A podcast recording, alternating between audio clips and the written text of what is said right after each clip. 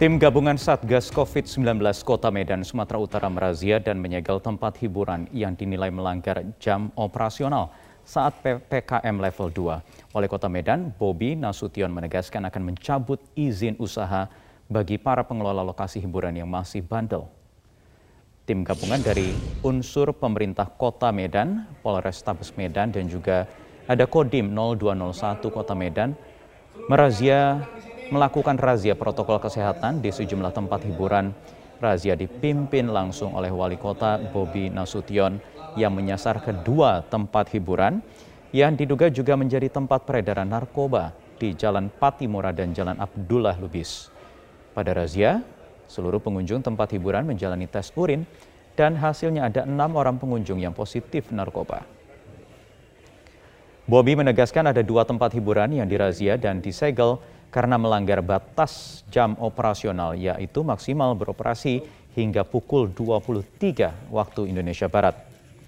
Apabila masih membandel maka pihak pemerintah kota akan membatalkan izin usahanya.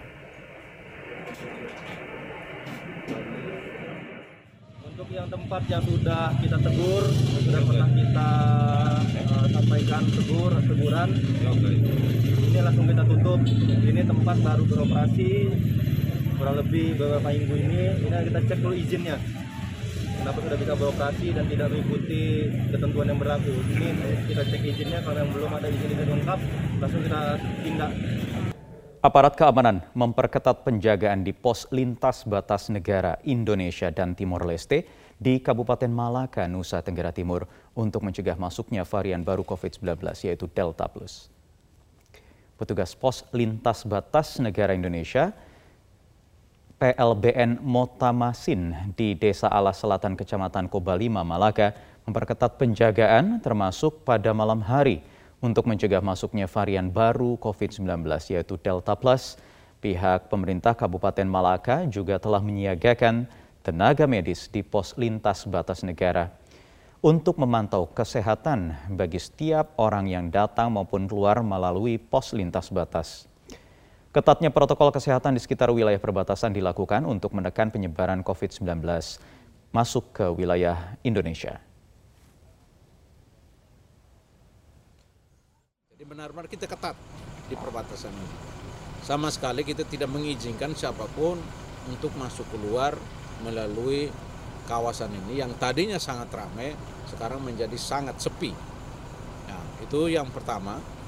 Dan kita juga sigap menghadapi pembatasan itu dengan beberapa cara antara lain ya kita minta supaya uh, siapa pun dia ke mana pun harus ingat pakai masker. Di Yogyakarta ada 61 siswa dari sejumlah sekolah di Kabupaten Kulon Progo, daerah istimewa Yogyakarta yang terkonfirmasi positif COVID-19 dari hasil tes PCR yang dilakukan selama program surveillance pembelajaran tatap muka pihak pemerintah daerah setempat menghentikan sementara proses PTM di 12 sekolah. Data dari Satgas Penanggulangan COVID-19 di Kabupaten Kulon Progo menyatakan ada 61 siswa yang positif atau 4,4 persen dari total sampel program surveillance pembelajaran tatap muka yaitu 1.389 sampel siswa. Puluhan siswa yang terpapar kondisinya tanpa gejala berasal dari 36 sekolah yakni dari jenjang sekolah dasar ada 45 orang, SMP 2 orang, dan SMA ada 14 orang siswa. Dari temuan ini 18 sekolah kemudian dipastikan bisa melanjutkan pertemuan tatap muka karena temuannya di bawah positivity rate, sementara ada enam sekolah yang dihentikan PTM untuk lingkup kelas dan 12 sekolah menghentikan seluruh kegiatan PTM. Masa penghentian yaitu selama 15 hari. Hingga hari Minggu ini pihak Rumah Sakit Darurat Wisma Atlet di Jakarta merawat 209 pasien COVID-19. Terkait potensi lonjakan kasus COVID-19, pihak rumah sakit telah melakukan sejumlah persiapan. Berikut hasil liputan rekan Dekan Nena Tanda dan Muhammad Zuhal dari Rumah Sakit Darurat Wisma Atlet di Kemayoran. Untuk uh, data terakhir pada hari ini yang kami dapatkan untuk Wisma Atlet Kemayoran sendiri ada 209 orang yang dirawat dan ada penambahan tiga orang pasien untuk hari ini. Dengan komposisinya adalah 72 laki-laki dan 137 perempuan dengan tower yang diisi saat ini hanya tower 5 dan tower 6 saja. Jika dilihat dari grafiknya ini memang untuk uh, Wisma Atlet Kemayoran ini ada kenaikan kami lihat dari grafiknya. Namun uh, kenaikannya tidak tajam ataupun tidak tidak signifikan. Karena memang sampai saat ini uh, kasus uh, penambahan kasus COVID-19 di Indonesia juga cukup melandai meski memang cukup fluktuatif beberapa hari terakhir.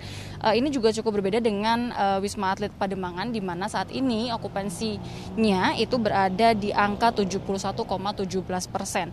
Dan untuk di Rusun Pasar Rumput ini ada 864 orang yang dirawat.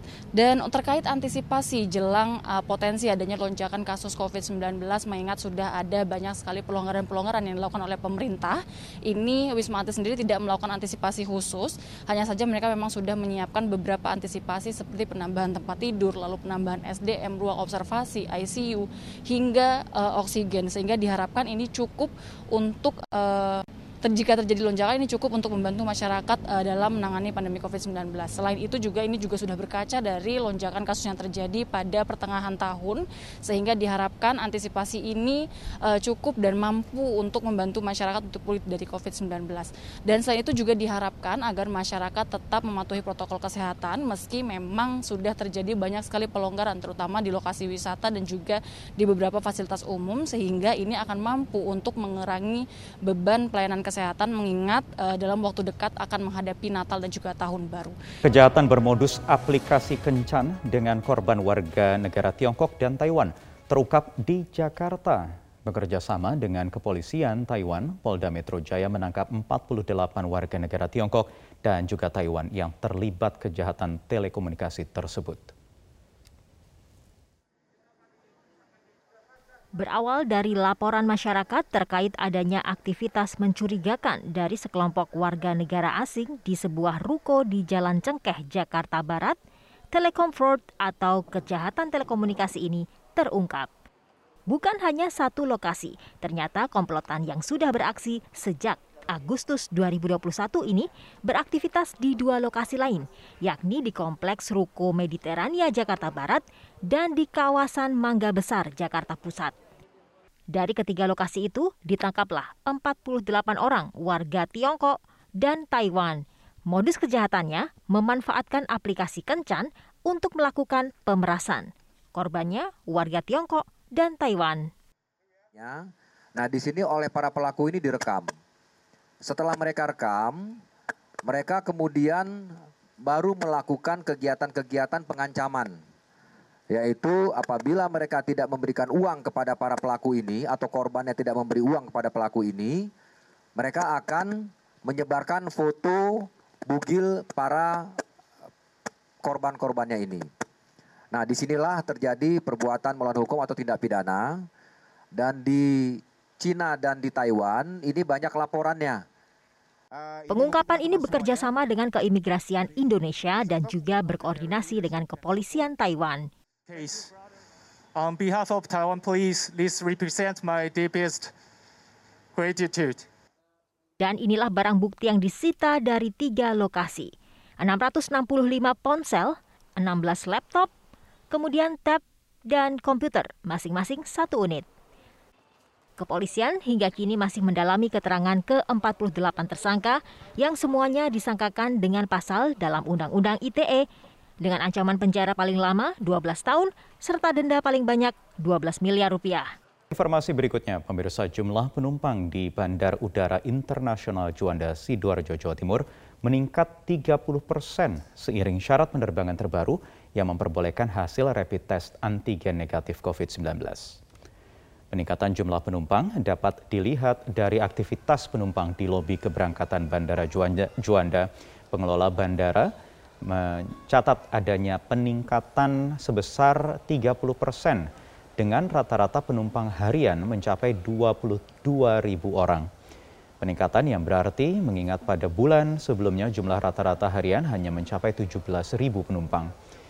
Peningkatan penumpang ini dipengaruhi oleh syarat penerbangan yang relatif lebih mudah dan murah, yaitu diperbolehkannya hasil rapid test antigen